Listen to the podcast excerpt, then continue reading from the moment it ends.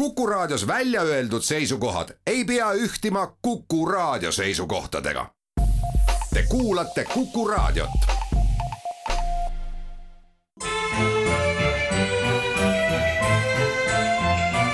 Memoria.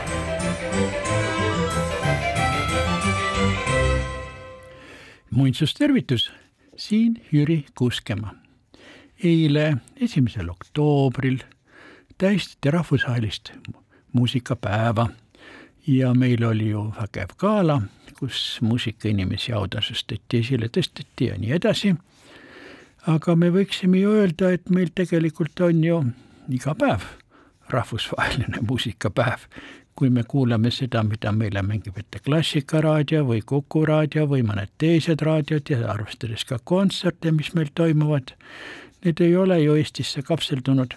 mõnikord isegi võib arvata, et liiga kapseldunud näiteks hevi- või levimuusikasse kuskilt Ameerikast, et võiks mõnel kanalil rohkem seda Eesti värki olla. aga teisest küljest jällegi me teame, et selle rahvusvahelisuse juures on ka üks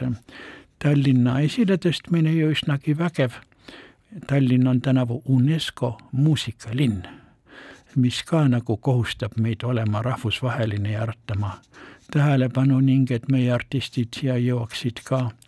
mm, teistele kontserdilavadele ja see on ju toimumas ju Koreast kuni Ameerika Ühendriikideni, nii et selles mõttes kindlasti muusika on Eesti kõige vägevam kultuurikandja ja esitleja muule maailmale. Ja tänu meie muusikutele on ilmselt miljonid inimesed teada saanud, et on olemas selline riik nagu Eesti ja võib-olla isegi seda, kus ta paikneb ja nii edasi. nii et tore on, aga muidugi reveransi tehes sellele rahvusvahelisele kõrgmuusikapäevale on ka täna stuudiosse toodud heliplaat sarjast Absolute Classics, absoluutne klassika. see on sari, millest minul on siin juhtumisi olemas neljas plaat ja sellel on Briti Kuningliku Filharmoonia orkestri ja sõprade poolt ette kantud klassikaline muusika, millest me muidugi saame tillukesi jupikesi kuulata sest Memoria formaat on nii, et muusika jääb lõikude vahel kaks kuni kolm minutit, muidu ei jääks jutustamiseks piisavalt aega, aga mis ma ikka lobisin, kuulame kohe muusikat ja selleks hakatuseks on üks lõik Griegi klaveri, klaverikontserdist A minooris oopus kuusteist. samast palast tuleb veel järgmine lõik ka hiljem kuulda, Vale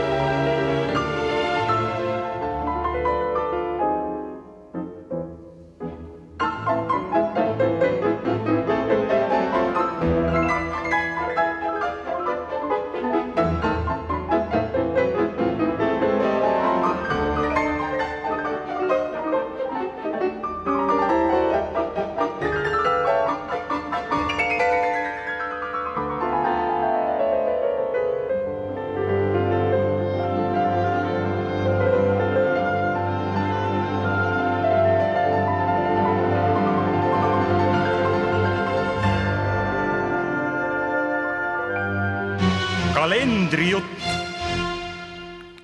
no jaa, eks heal lapsel mitu nime ja esimene oktoober oli mitte üksnes muusikapäev, vaid ka ma leidsin oma üllatuseks kalendrist, et ka omavalitsuste päev. sellest nagu suuremat numbrit ei tehtud, aga samas eh, ma meenutan, et läbi ajaloo on omavalitsustega lood olnud ju üsna erinevad. Vanasti tõesti vastasid need linna- ja vallavalitsused ja isegi Eestimaa hertsogkonna valitsus mõistele omavalitsus, sest et olid valitud isikud, kes siis olid nagu pealikuteks ja asjaajajateks ja mm, kohaliku kogukonna kaitsjateks kõrgema võimu ees ja nemad reeglina mingit palka ei saanud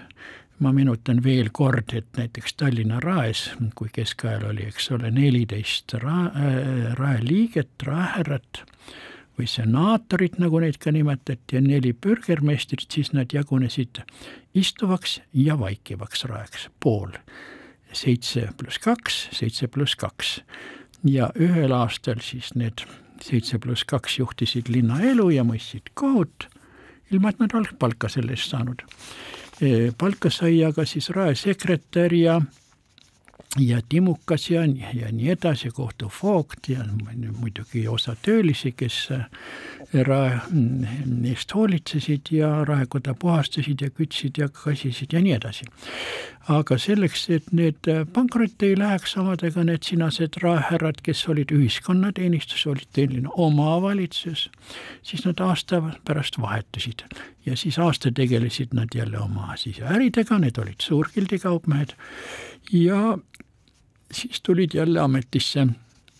Ja nii see asi käis. Ja eks samamoodi oli ju ka omal ajal ka meie talupoeglike ühenduste nagu vallavalitsustega, kuni siis lõpupoole ikkagi leiti, et tuleb ikka palka ka maksta ja ja praegu on ju olukord isegi niisugune, et Äh, mitte väga ammuste valimiste eel teatati kuskilt vallast, et vallavalitsus ongi põhiline tööandja vallas, et need ähm, vallaametnikud äh, saavad siis palka ja teistel on nagu raskem tööd leida kuskilt mingisugust ametit. et see tundub kummaline olevat, et ähm, omavalitsusse tikutakse, nagu me mõnigi kord näeme ka kandidaatide rohkuse läbi, et ilmselt loodetakse saada nii-öelda parema palga peale ja siis sellele pudrukausile nagu lähemale ja ajendiks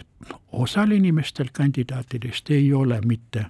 oma kogukonna ja ühiskonna teenimine, aga see selleks. igatahes ilma oma, omavalitsuseta, kas nad on siis raha teenimiseks või või mitte, ime läbi ei saa, keegi peab ju juhtoinas ka olema või neid peab olema palju, arvestades kui me arvestame praegu seda, et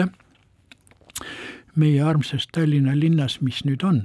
uusimate andmete järgi oli see nüüd augusti seisuga, oli meil juba nelisada viiskümmend kaks tuhat inimest. Aga äh, siis, kui oli seitse pluss kaks, siis oli sada korda vähem elanikke, nii et pole imestada, kui Tallinna ametnike arv moodustab ka midagi, kui ma nüüd praegu ei eksi, midagi tuhat viissada millegagi. Seda enam, et linn on jagunenud ka, eks ole, eh, osadeks piirkondadeks, on meil siin Keskrajoon ja Põhja-Tallinn ja nii Pirita ja nii edasi. Ja siis äh, sellega seoses muide on tekkinud idee, et kesklinn, kus on praegu, mis nüüd on kuuekümne viie tuhande piir on ületatud, tuleks nagu ka hakkida niimoodi, et vanalinn eraldataks sellest kesklinna üldisest territooriumist ja saaks omaette juhtimise sest et äh, vanalinn on ju nii-öelda spetsiifiline ja kesklinnast eristub selle läbi, et ta on UNESCO maailmapärandi osa, kus kehtivad teatud erilised muinsuskaitselised piirangud ja eks neid looduskaitselisi ole ka. Ja see elukorraldus ja transport ja parkimine ja mis kõike veel, lühiajaliste ruumide väljarentimised turistidele ja külalistele. Ja probleeme on palju ja kuidas säilitada ja kuidas tõsta elanike arvu, mis praegu on alla kahe tuhande taas viie tuhande peale, mis oleks normaalne sellise suurusega linnaosal. vot need on paljud probleemid, no esialgu on määratud nagu kesklinna eh, koosseisus, valitsuse koosseisus üks ametnik, kes hakkab nagu mm, kesklinnaga tegelema, aga ma usun, et ta uputatakse peatselt ära nendesse probleemide paljususse, sest et eh, kehtivad, eks ole, riiklikud seadused, kehtivad munitsipaalseadused ja eraõiguslikud seadused, nii et ja, ja osad kolm seaduste tüüpi on mõnikord omavahel räiges vastuolus ja nagu me nägime seal nõelasilmas, kui olid linna huvid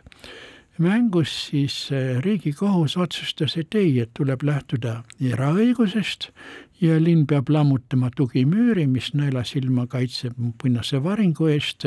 sest et see müür oli ehitatud ilma luba küsimata eraisikult, kellele see maa äh, nii-öelda seaduse järgi kuulus. aga jätame selle, need, need norimised ja lihtsalt avaldame lootust siin puhul, et et varem või hiljem töötatakse välja vanalinna põhimäärus ning selle määruse alusel hakatakse eh, vanalinna ka juhtima ja arendama ja osalt ka arenguid pidurdama, et teda liiga moodsaks ja liiga turistlikuks ei muudetaks ja liiga auto parkimisplatsiks. Eh, ja et Äh, jõutakse siis ka mõistliku juhtimisstruktuurini ehk vanalinna omavalitsuseni või valitsuseni, olgu seda nimetatud kuidas tahes. aga armsad sõbrad, meil on alanud ju uus õppeaasta ja mm, valimiseelsed lubadused lubavad tõsta õpetajate ja õppejõudude palkasid, aga uuel nädalal on põhjust õpetajatel siis ähm, nagu pidutseda või siis eh, teha demonstratsioone ja miitinguid, nõudes, et tõesti neid palkasid tõstetaks ja tööolusid parandataks, sest on viiendal kuupäeval on rahvusvaheline õpetajate päev, vaat niimoodi. nii et, et selle tõttu oleks neil siis õigust rohkem üles astuda ja, ja ühiskonnal oleks põhjust neile rohkem tähelepanu pöörata, sest et meil ju äh, siin presidendi vastuvõtul üks noor mees rääkis, et kui nii edasi läheb nagu praegu hariduse asjas, siis varsti on, mõne aasta pärast on algamas vaimupimeduse aeg, sest vanemad õpetajad jäävad pensionile ja uued, uusi ei tule piisavalt peale ja või need, kes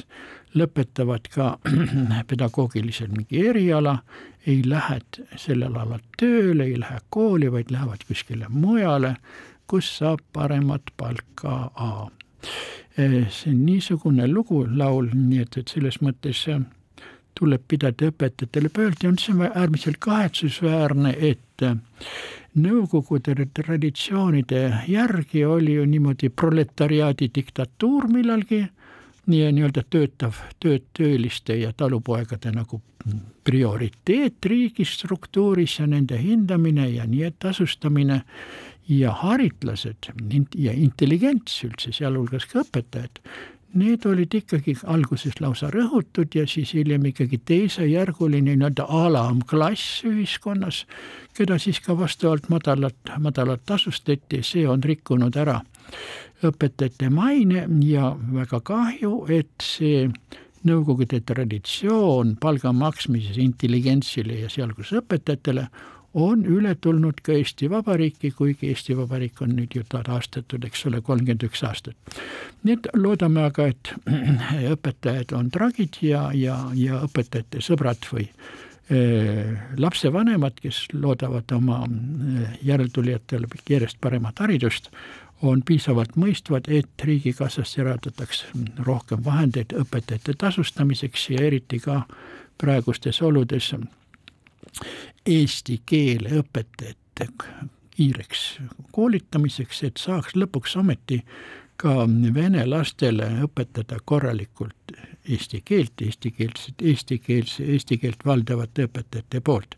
et see on ju meil praegu ühiskonnas üks põhilisi probleeme e aga kui nüüd kalendrijutust ma puudutan veel ühte teemat, aktuaalset teemat, siis ma pean endalegi ja teilegi üllatuseks tunnistama, et mina olen juba kokku puutunud Vene mobilisatsiooniga. sest kujutage ette, muidugi mind mitte, mul on küll olemas kuskil kultuurikihtides Nõukogude Liidu eh, poolt välja antud sõjaväepilet aastast tuhat üheksasada kuuskümmend, kui ma õieti mäletan, kus on minu sõjaliseks auastmeks märgitud Rjadovoi Nistrojevoi službe tähendab ähm, mitte rivikõlbulik reamees. aga mind sõjaväkke ei võetud ja selle märkuse sain ma selle tõttu, et lapsepõlves olin ma luutuberkuloosi äh, põdenud, mis minu kondistikku äh, äh, muutis natukene kiduramaks, kui Nõukogude armeesse vaheti. aga esmaspäeval juhtusin ma istuma raekoja ees, juues seal kohvi ja süües muide olgadele kiidetud seenepirukat, mis on seal oivalised ja ma sattusin ühte lauda kahe vene noore mehega, kes nagu osutus, olid äh, sellest äh, seltskonnast, kelle kohta öeldi, et põgenevad eelkõige haritud ja mm, materiaalselt kindlustatud mehed mobilisatsiooni eest ja nii oligi. üks neist oli plaganud just kaks päeva varem, oli Tallinna jõudnud, et edasi minna Maltale, sest tal on Malta pass. see oli väga üllatav, aga ma olin ju raadiost kuulnud ja lehtedest lugenud, et omal ajal Vene uusrikkad selleks, et paremini reisida saaks, vaatasid, kust saaks mõne Euroopa riigi passi ja Malta oli selline spekulant, kes meelsasti müüs ka vene inimestele neid passe küsima esitamata liigseid küsimusi. nii et üks oli minemas Maltale koos oma naise ja väike, väikese tütrega ja teine mees ütles, et ah, mina olen igal ta-, igal talvel olnud Floridas, et mina lähen nüüd Ameerika Ühendriikidesse. ma ei hakanud küsima, mis pass tal on või mis viisa, aga ju tal siis need sinased viisadega on asjad korras, et Ameerika Ühendriikidesse sissepääs on täiesti olemas. no vot, mina ei hakanud neilt siis küsima kuidas on, mis nad siis, mis nad siiani tegid, aga nojah, igatahes see väljavaade, et minna sinna Ukrainasse sõtta, oli neile vastu näidustatud, kuigi nad seda Putini värki nii, nii väga ei kirunud ro, rohkem, aga ütlesid, et neil, nad, nad on selle sõja vastu ikkagi, ikkagi. et see oli nagu põhiline sõnum, mille, mille, mille osaliseks ma sain. ja ma olen muidugi mõnevõrra nõutu kui meie valitsus on vastu võtnud sellise määruse, mille puhul ka e, ei taheta lasta Eestisse neid, kes mm, hoiduvad mobilisatsioonist. no muidugi, nagu näitab Gruusia näidus, on sellega põgenemisega võib ülekoormus tekkida, hullem kui Ukraina põgenikega, sest et kui vahepeal Gruusia piiri ületas juba iga päev kümme tuhat põgenikku sest Ukrainas on muide viisavaba sissepääs venelastele, siis Gruusiale sai see liiaks. aga tuleme nüüd ka hetkeks ikkagi kirikliku kalendri juurde tagasi ja meenutaksime, et, et neljandal kuupäeval on siis Nassisi Franciscuse päev, kelle eluaastad olid tuhat ükssada kaheksakümmend üks, tuhat kakssada kakskümmend kuus kes oli nii vaga mees, et ta sai elu lõpul samasugused haavad nagu Kristusel ehk stigmas, mis tal valutasid ja olid kuni surmani ja veritsesid. ja tema rajas ka siis ordu, eh, munga ordu, mille, eh, mis ei tegelenud eriti enese harimisega, vaid lihtsa tööga ja olid kirjus mungad ja nii-öelda abielus vaesusega nagu mm, Franciscus isegi deklareeris oma isale, kelle sidi, rikkale sidi kaupmehele, kellega läks, ta läks tülli siis, kui ta oli isa kauba müügist saadud raha kasutanud ühe kiriku taastamiseks, mm, sest et tema olevat niisugust noorest elumehest mm, saanud vapustava mõju seeläbi, et talle olevat ilmutanud ennast Jeesus ja olevat nõudnud, et sa pead, sa saad oma patud andeks, kui sa taastad vaat selle, selle mm, kiriku, mis oli unarusse jäänud. ja mm, Franciscus hakkas siis selle järgi ka talitsema ja peatselt oli see tema ordu, mis oli loodud tuhat kakssada, mis oli mm. Kaks sellise menukuse, et kui kutsuti kokku selle üldkogu, siis tuli juba kokku viis tuhat meest ja veel viissada sellist, kes soovisid ordusse astuda. nii et see oli väga vägev ja Franciscus muide on niisugune tegelane, kes nii-öelda paganlike juurtega eestlastele peaks enam sobima kui paljud teised needsamused kristlikud pühakud, sest tema oli ju nii looduse hingetajuja, et ta pidas ju jutlusi ka lindudele, eks ole, ja ja puha. Nii et teda peetakse ka siis katoliiklikus kultuuris mitte ka looduskaitset ja muide ka muinsuskaitsjate pühakuks ja ökoloogia patrooniks. nii et selles mõttes võiks öelda, et tema on tõeline rohepöörde katoliiklane, kelle niisuguseid ideid keskkonna säästmiseks ja aupaklikuks suhtumiseks kõige elava vastu võib imetleda nii, nii. aga meie teiega pöördume praegu tagasi niisuguse lustaka ilmaliku värgi pool, nagu seda on, eks ole, Griegi, Griegi klaverikontsert, kuulame sellest veel ühe osa, kes see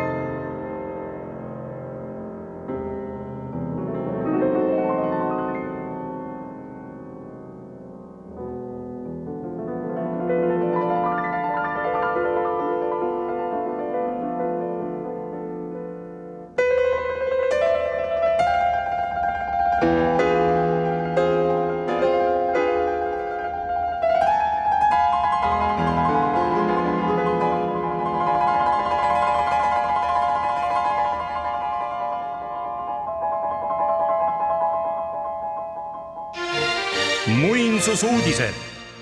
no siit Tallinna poolt vaadates paistab, et Tartu vaimule on kõige meelepärasemad sõnasõjad ja kakelused. no ikka pole jõudnud lõpule see võitlus Süku pärast, südalinna kultuurikeskuse pärast, mille plaani ja väljaehitamist linnavalitsus toetab, aga millele on ikkagi siiani vastu paljud marurohelised, kes leiavad, et sealt ei tohi tühjaks pommitatud alale istutatud puudest ei tohi midagi maha võtta, et sinna siis ehitada uus kunstimuuseumi hoone ja laiendada raamatukogu ja nii edasi. kuigi oleks ju absoluutselt loomulik, et südalinna kultuurikeskus ei ole mis kuskil Riia maantee lõpus seal kaubanduskeskuse juures, vaid südalinnas kiviviske kaugusel Tartu Ülikoolist, aga no aga, aga teine sõdimispunkt on kerkinud üles Toomel, kuhu mõned ettevõtlikud noored ettevõtjad on tahtnud teha sinna varemete vahele niisugune väike, väike mõningase klaaspaviljoni, kus võiks olla siis restoran, kust oleksid siis toredad vaated ümbrusele ja nii edasile ja siis osa leiavad jällegi, et see on pühaduse rüvetamine, niisuguse asja ettevõtmine, et ai-ai-ai, oi-oi-oi, seda ei tohiks mitte mingil juhul teha. Kuigi on teada, et sealt mm, korduvate mullatööde ja, ja renoveerimis- ja uurimistööde käigus on surnute säilmed on sealt välja võetud, et seal laipu enam ei ole ja isegi hauakivi mõni üksik tükk on sealt vaid, vaid viimasel ajal, eks ole, välja tulnud, viimaste tööde ajal leitud. nii et, et see ei tohiks olla takistuseks, kuid Mariann Raismaa, ülikooli muuseumi direktorisse on tulnud välja ju veel palju radikaalsemate ideedega, mis ka ühiskonna kihama paneb ja muidugi te tekitab hoiakuid äärmusest äärmusesse või seinast seina, et kas oleks põhjust Tartu Pauluse ja Peetruse toomkirik uuesti üles ehitada, viies katuse alla nii hästi need löövid ja kabelid ja tornid ja võtta see kõik värk kasutusele täies mahus. Eh, kusjuures jah, ta toob siin ära ka omaaegse eh, restaureerimisarhitekti Rein Soobeli projekti, eh, millel on näha nüüd ütleme neid, et klaasseinad raamistavad neid löövide välisseinu, mida enam ei ole, nende vahelt neid paistavad välja mõningad tugipiidad, mis veel on olemas ja, ja neid võlvkaari kandmas ja, ja samas on ka saanud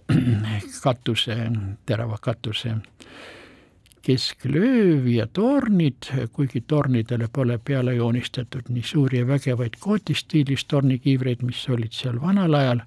ja õigupoolest tuleb ju tunnistada, et Tartu toomkiriku tornid on võetud kaheksateistkümnenda sajandi teisel poolel algsest märksa madalamaks selleks, et sinna rajada suurtükipatareid, kujutage ette. nii et, et see oli nüüd väga omapärane nagu kindlus, kindlusasjanduse võte, kuigi iseenesest selle vastu nagu põhimõtteliselt oleks, on tegelikult raske vaielda, sest et vanasti ju, kui kirikud olid ka tihtipeale kaitseehitised, kindluskirikud, siis neil tornikiivrit ei olnudki, neil oli lahtine võitlusplatvorm peal, kus seisid katapuldid ja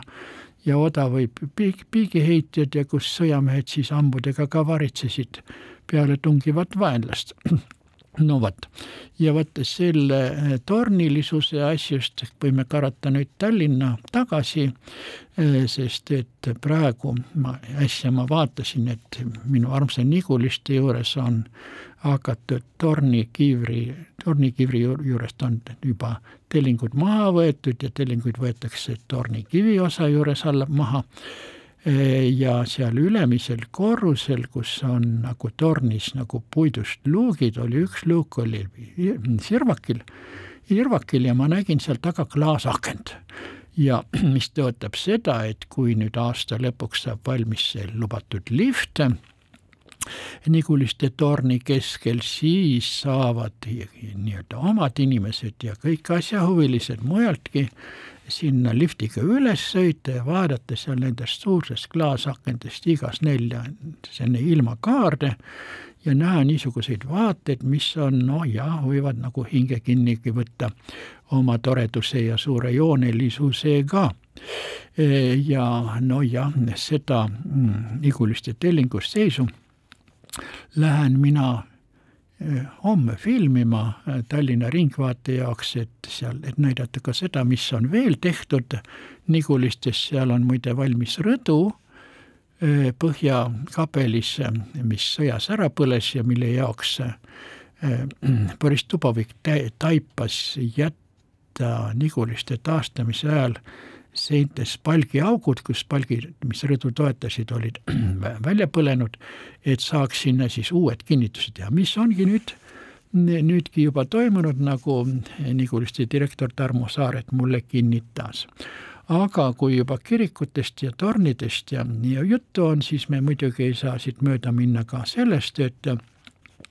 Oleviste juures, kus ka torni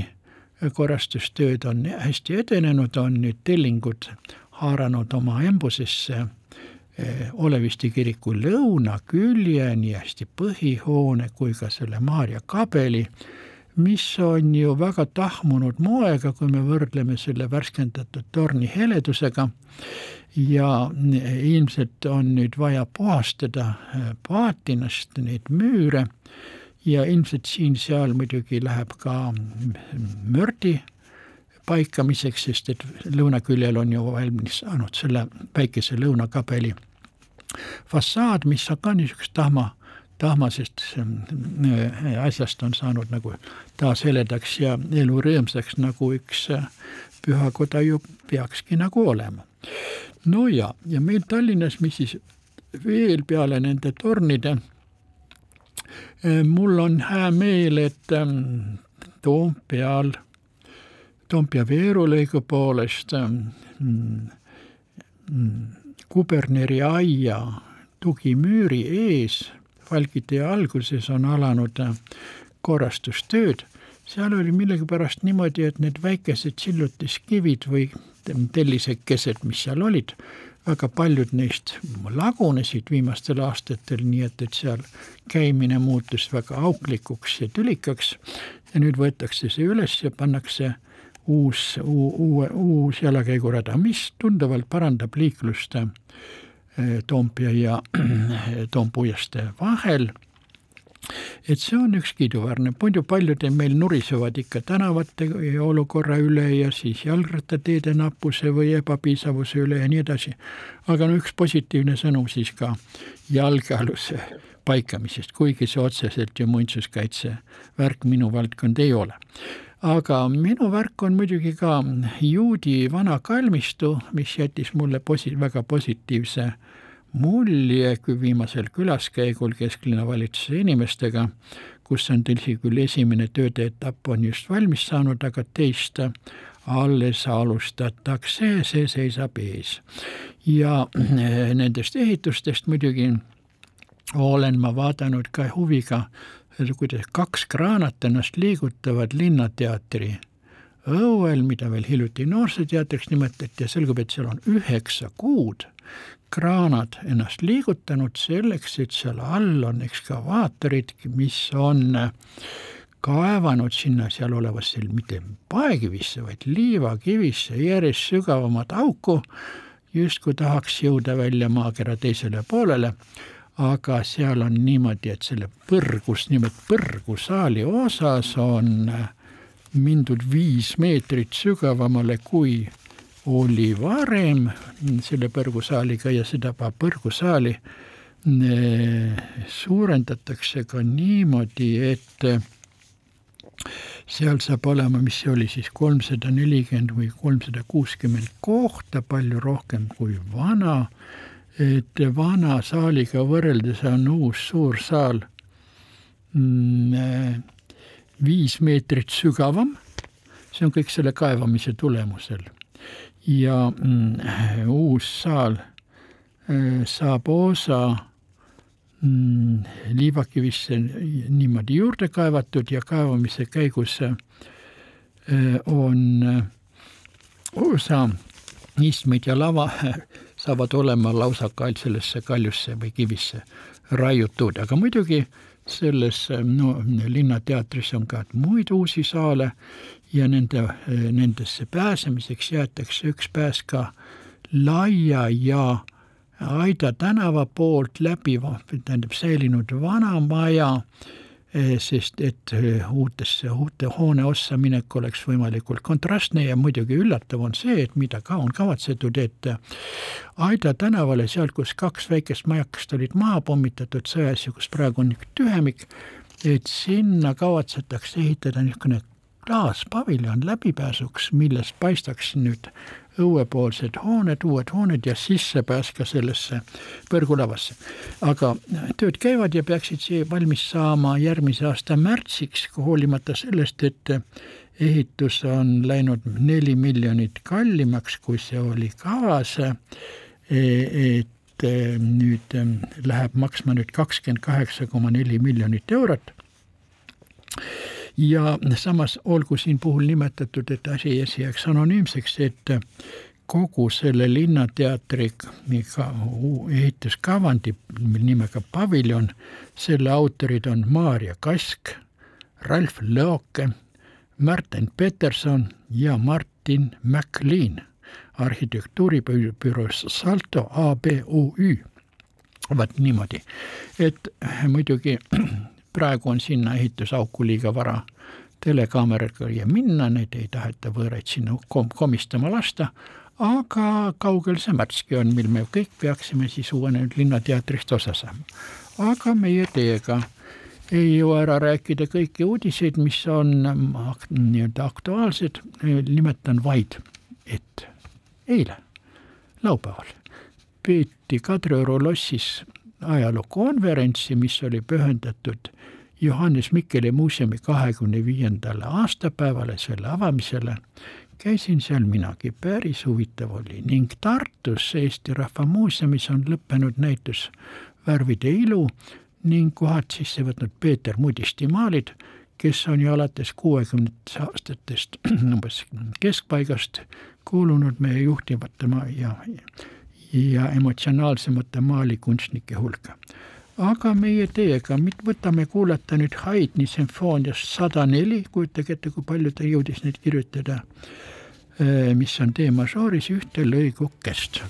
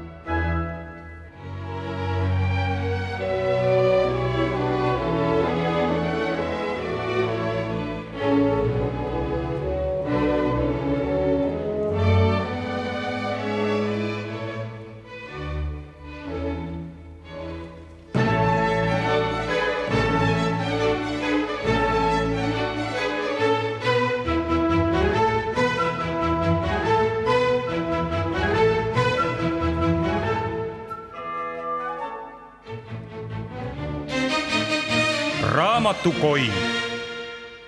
kodus koristades sattus mulle näppu Tallinna Linnamuuseumi poolt aastal kaks tuhat üheksa välja antud raamatukene Meeste maailm, mille on kirjutanud Linnamuuseumi töötajana Urve Mankin. aga enne kui ma siit lõigukes ette loen, ma meenutaksin teile seda, et täna äh, on, eks ole, esimene oktoobrikuu pühapäev ja esimesel kuu pühapäeval Tallinna Linnamuuseum, mis tähistab tänavu oma, sügisel oma kaheksakümne viiendat aastapäeva, laseb oma kõikidesse osakondadesse, mida on seitse, alates peahoonest Vene tänavas kuni lastemuuseumini ja nii edasi, külastajaid tasuta sisse. nii et kui tahate säästa, siis olge lahked, võtke pärast Memoriat ette mõni muuseumituur Tallinnas. aga muidugi sinna alla ei käi ajaloomuuseum ega kunstimuuseum ega, ega teatri- ja muusikamuuseum, aga Linnateater on nii lahke, et tuleb inimestele vastu, aga nendest samustest teadasaamistest, mis siin meil selles raamatukeses Meeste maailm on, on ka näiteks üks niisugune mm, väikene peatükk nagu kaeluse kaunistused. no praegu me oleme harjunud lipsude ja kigilipsudega. Mm, ja muidugi mõned kasutavad siis ka eh, naiste eeskujul teatud ripatseid eh, kaela ümber, aga varem oli need asjad natukene teistmoodi ja siis ma ei hakka seda kõige vanemat osa siin teile teadu, teadvustama, vaid loen ühe lõigukese, et üheksateistkümnenda sajandi algul määkisid mehed oma kaela paksult ja kõrgelt kinni. see käis muidugi linlaste ja eliidi kohta, talupojad niisuguse asjaga kaasa ei läinud. valgemäise seest ulatusid välja vaid kõrge särgikrae teravad nurgad, mis ulatusid ninani. Sellise kaeluse kaunistus sai nimeks Vatermörder, isatapja Vatermörder. protestimeelsed hakkasid valge kaelasideme asemel kandma musta mis seoti eesliblikakujuliseks relva. see oli siis nagu kikilips öölkäija. sellest kujunes tänapäevane must ristlips, vot nii. Alates tuhande kaheksasaja kolmekümnendatest aastatest muutus kaelaside väga oluliseks. selle sidumiseks kulus palju aega, anti välja raamatuid lipsu sidumisõpetusega või kaelusidu, korraldati ka sidumiskursuseid ja jäljendati tuntud isikuid, nii nagu meil vahepeal siin presidendi kikilips sai populaarseks ka teatud muudes ringkondades. aga Urve Mankin kirjutab, et kaelasidemest sai mehe meelsuse ja iseloomu näitaja, vaat nii. Kas see ka praegu niimoodi on, mõningatel on, mõningatel mitte, aga meie teiega selle väikse põgusa kaelalise põike peale võtame kuulata veel ühe lõigukese Haydni, Haydni sümfooniast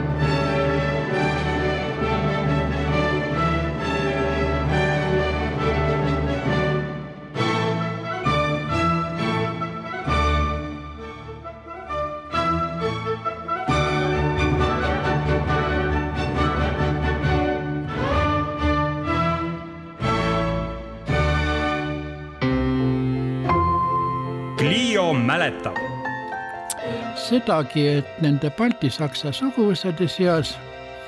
mm, kelle esindajad on Tallinnas elanud, on ka üks selline suguvõsa nagu Raar. pean tunnistama, et kui mulle äh, helistati äh, ja teatati, et selle suguvõsa esindajad soovib oma omastega Tallinnas vanalinnas ekskursiooni, et nad on siin kunagi esivanemad on elanud ja ja et üks neist on olnud Timukas või Scharfrichter siis ähm, ja et nendel on hauakivi toomkirikus, siis mina liigutasin natuke nõutult oma kõrvu, sest minuni selline perekonnanimi baltisakslaste seast nagu Raar ei olnud jõudnud. kuigi alates seitsmekümnendatest aastatest olen ma üsna palju kokku puutunud mitmesuguste baltisaksa suguvõsade esindajatega. Ja siis ma püüdsin ennast harida ja et asja nagu natukene ajaloolisele alusele viia, võtsin ma kätte ka raamatu matustest ja hauatähistest Tallinna toomkirikus, mille on kirjutanud Sulev Mäeväli, kes on juba õndsate osadusse lahkunud, aga selles raamatukeses on lõpus ära toodud ka üks väga huvitav toomkiriku plaan aastast tuhat seitsesada nelikümmend kaks Eh, kus on märgistatud eh,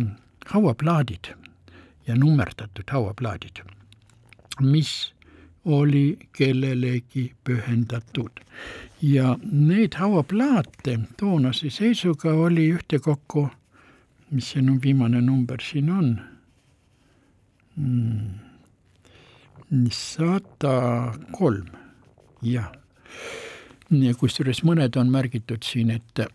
tekstis on loetletud nimed, kellele olid need pühendatud, mõnel puhul on ka lihtsalt mainitud, et pärandatav hauakamber ilma suguvõsa nime mainimata,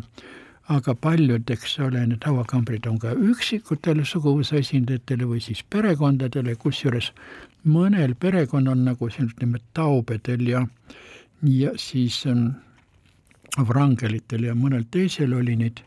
hauakambreid siin kohe terve tropikond ja reeglina, reeglina suur, suurem osa neist on, olid ikkagi Eestimaa rüütelkonna liikmed ja aadlikud, kuigi mõned on ka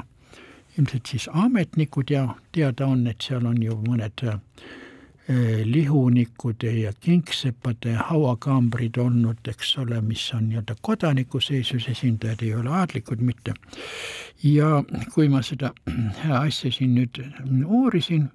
siis ähm, selles raam, raamatus, mille Sulev Mäeväli äh, on äh, kirjutanud, on sellel plaanil aastast tuhat seitsesada nelikümmend kaks numbri all üheksakümmend kolm, selle koma baar. see baar on võib-olla trükiviga, sest B ja R kirjutusviis on nii väga sarnane, nii et võib-olla selle Raari perekonna esindajal on tõesti õigus, et keegi nende kallitest esiisadest on Tallinnas teinud siiski niisugust karjääri, et pälvis au saada maetud mitte mõnda kodanike kirikusse, vaid nagu aadli, aadli panteooni. nii et mine sa võta kinni ja nagu selgub, et need raarid on omanud Tallinnasse ka mm, mitut majavaldust ja üks nendest majavaldustest on Pikk tänav viiskümmend viis mis on praeguse seisuga üks viimaseid tondilosse Tallinnas. Ja teine on, eh, mis ta siis nüüd oli, jah, pikk jalg number kuus, eh, kusjuures jah, sissepääs on sealt, sealt, sealtsamusest pikast jalast, kuigi maja ise jääb ju selle Rataskäivu tänava äärde ja peasissepääs on siis alt Rataskäivu tänava tasandilt aga läbipääs pikka jalga on ilmselt hilisema päritoluga. kusjuures jah, selle mm, viiekümne viienda Pika tänava maja osas on ju lugu niimoodi, et seal oli kahekümne, üheksateistkümnenda sajandi alguses jah, ikkagi veel barokne kootimaja, mida mm, barokkajal mõnevõrra siis moderniseeriti ja ehitati kinni kangialune paremast tiivast, kust sai õuele sõita hobuste ja vankriga ja sellesse asus kahekümnenda sajandi alguses Georg Stude noorem, see kuulus kondiiter Stude, kohviku ja, ja poe omanik. number kaks, Georg Stude, siis tehti seal veel muudatusi, aga selles eeskões on praeguseni ühes seinas on keskaegse etikukivi suur plaat roosiõiega rahu ja õndsuse sümboliga ja teises seinas on, vanas seinaorvas on niisugune ehtne barokne ehe vanaaegne kapp ja selle hoone õuepoolses tiivas vasakus nurgas on vana peretuba, kus on see, kus praegu veel elatakse, kuigi kogu maja muidu on tühi ja selles eluruumis on laelõuend, mille teemaks on Caritas. see on siis naine, kes hoiab lapsukest kätel. See Caritas, seda nimetatakse, mõnikord tõlgitakse ka armastus, mitte ainult, eks ole, hoolekanne ja abi, nagu öeldakse karitatiivse tegevuse kohta. Et see on siis, ütleksime nii, siiski mitte niivõrd mehe ja naise armastuse, kuivõrd ligimese armastuse sümbol. Ja see, õigupoolest see laemaaling on siiani avaldamata, nii et, et teda ei ole, sellist reproduktsioone ei ole üheski Tallinna kunstiajaloo raamatus, kuigi ta seda väärib no maja on olnud äh, Nõukogude aja lõpul teise toidukaubastu kasutada ja kui see likvideeriti Eesti aja alguseks, siis on sellest peale ta seisabki praktiliselt tühi. üks Moskva miljonär, kes tahtis rajada eh, laiale tänavale, eks ole, oma kunstigaleriid ja hotelli ja nii edasi, nii edasi, ostis ära ka selle Pika tänava viiekümne viienda maja mõningate aastate eest, aga praegu kunstiäri ei edene. Tööd on takerdunud ja juba kolm aastat ei ole selle muuseumi rajamiseks ühtegi sammu astetud, kardetavasti see takerdub ning Pika tänava viiekümne viies maja eh, tõenäoliselt tuleb jälle varsti müüki. Ja ma siis nende raaride esindajale, esindajatele võin öelda mm, täna, kui ma nendega jalutama lähen vanalinna, et vaat näete, siin on teie esivanemate maja üritage võib-olla tagasi osta, et teid on piisavalt palju, mõned neist teist võiks siis kunagisse esivanemate linna taas elama tulla. Ja nii edasi. aga sellega ma peaksin lõpetama oma jutud ja päris lõpetuseks võiks olla ka midagi joviaalset ja selleks saab olema lõigukene Verdi ooperi mm, Traviata prelüüdist